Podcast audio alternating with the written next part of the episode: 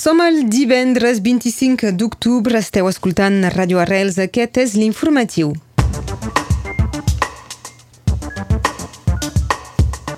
Moltes pertorbacions sobre el trànsit de trens a Perpinyà després de la llevantada. Reunió aquesta tarda a Taurinyà sobre el model de desenvolupament del Canigó.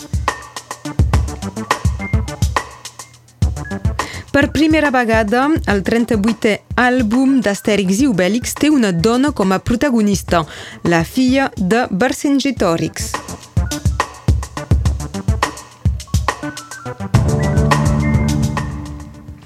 Prop d'un centenar de persones van participar ahir al vespre a l'hora solidària amb els presos exiliats i represaliats catalans a la crida del Comitè de Solidaritat Catalana com cada dijous al peu del Castellet.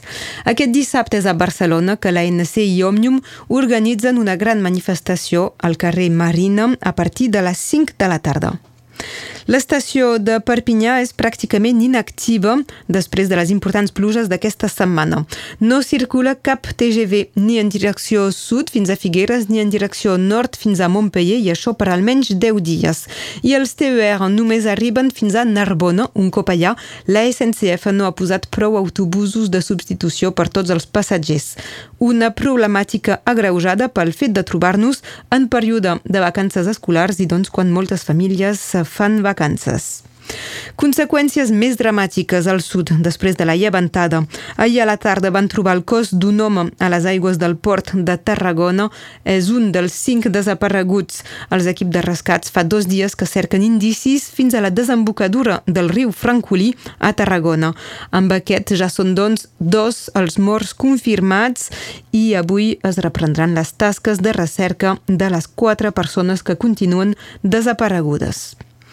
Nova agressió ahir a la presó de Perpinyà quan va esclatar una barralla entre tres detinguts, un dels quals ha acabat amb quatre punts de sutura. Al vespre, el responsable de la barralla va provocar un incendi a la seva cel·la.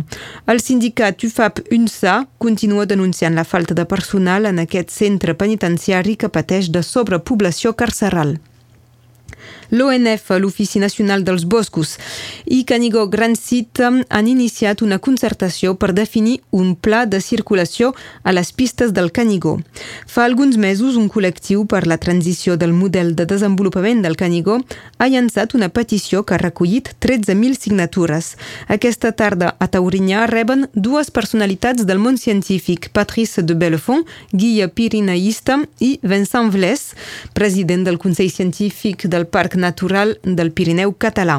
La cita serà a la sala polivalent, polivalent de Taurinyà a partir de les 4 i mitja de la tarda. Escoltem Antoni Glori, membre del col·lectiu per la transició del model de desenvolupament del Canigó. Faltava la paraula, el diagnòstic dels científics. Eh, sembla absolutament necessari d'entendre'ls per preveure uh, un pla de circulació, una, una manera d'apropar-se del Canigó. S'ha de, de tenir en compte l'estat de la muntanya, les condicions uh, per rebre el públic, i això s'ha d'entendre uh, completament. Eren les paraules d'Antoni Glori presentant aquesta reunió avui a les 4 i mitja a Taurinyà. La cursa per les eleccions municipals de Perpinyà continua. Si aquesta setmana és l'elegida regional ecologista Agnès Langevina que ha anunciat la seva intenció de presentar-se, des del Partit Comunista fan una crida a la unió al si d'un col·lectiu ciutadà anomenat l'Alternativa. Aquest col·lectiu triarà el seu candidat abans de finals d'any i voldrien que Langevina estudiï la possibilitat d'unir-se a ells. Qui ha anunciat la seva adhesió a aquesta alternativa és la França Insumisa.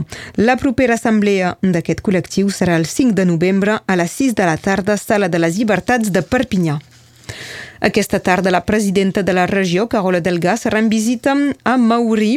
Tractarà amb els responsables de la cava del vilatge la seva reestructuració, així com el futur de la viticultura, en particular de cara a la transició ecològica. La magistrada del Tribunal de Corts Andorra, Canòlic Mengorança, va dir ahir a Ginebra, Suïssa, davant el Comitè per l'Eliminació de la Discriminació envers la dona de les Nacions Unides que la Caixa Andorrana de la Seguretat Social pagava els avortaments que es feien a l'estranger. Va dir que la dona que vol avortar pot anar a veure el seu ginecòleg a Andorra i decidir d'avortar a l'estat francès o espanyol i la Seguretat Social ho paga, no és un problema de diners, segons Mengorança. Oficialment, recordem, l'avortament encara és prohibit a Andorra. Des d'avui fins a dilluns, Catalunya Nord acull la trobada anual dels voluntaris lingüístics de les universitats que formen part de la xarxa Vives. Sota el títol Catalunya Nord, bressol de la nostra llengua, s'hi esperen 90 participants provinents de 7 universitats dels països catalans. L'objectiu és de dinamitzar els contactes entre els voluntaris, debatre sobre les polítiques lingüístiques dins i fora de l'àmbit universitari i conèixer aquesta part del territori.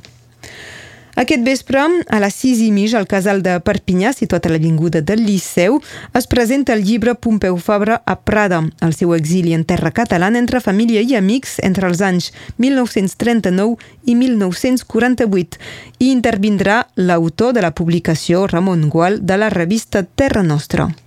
Aquest dijous ha sortit a la venda el nou Astèrix. El 38è àlbum es titula La filla de Vercingétorix. És la primera vegada en 60 anys d'històries que el protagonisme serà per una dona, l'adrenalina.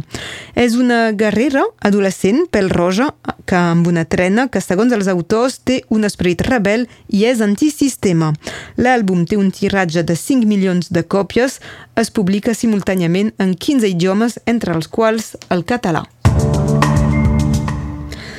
Parlem d'esports i de rugby a 13. Els dracs catalans i Warrington han estat sancionats amb una multa econòmica allí a conseqüència de la barralla que va tenir lloc a les grades de l'estadi Gilbert Brutus el passat 3 d'agost.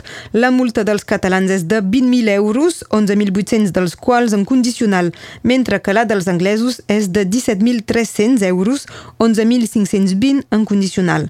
A més, els dracs es faran càrrec dels dos terços dels gastos per l'investigació i Warrington al darrer terç.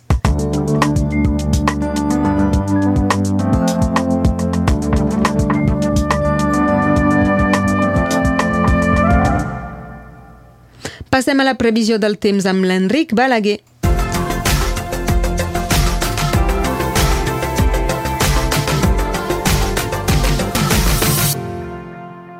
Tenim un cel clar sobre tota la Catalunya Nord amb vent de febles intensitats, majoritàriament de marinada o mitjorn, excepte a la Cerdanya, on bufarà vent de sud-oest. Les temperatures són agradables, molt conformes a les mitjanes de temporada. L'any passat, el 25 d'octubre, ha fet 27 graus a Perpinyà. Avui tindrem de màxima 21 a Perpinyà i Passà i 20 graus a 20 grau, com a Maurí, Pesià de la Ribera i Sureda, 23 als Banys al Vallespí, 22 a Vilafranca de Conflent, 15 a Formiguera, 17 a Estavar, molt bon temps per caçar bolets. Per informació farà 32 graus a Bombay, a l'Índia. El 25 d'octubre de 1931 va néixer a París Annie Girardot.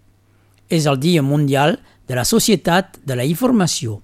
Segons el calendari Terra Nostra, avui és Sant Crispí i Crispina, els patrons dels sabaters.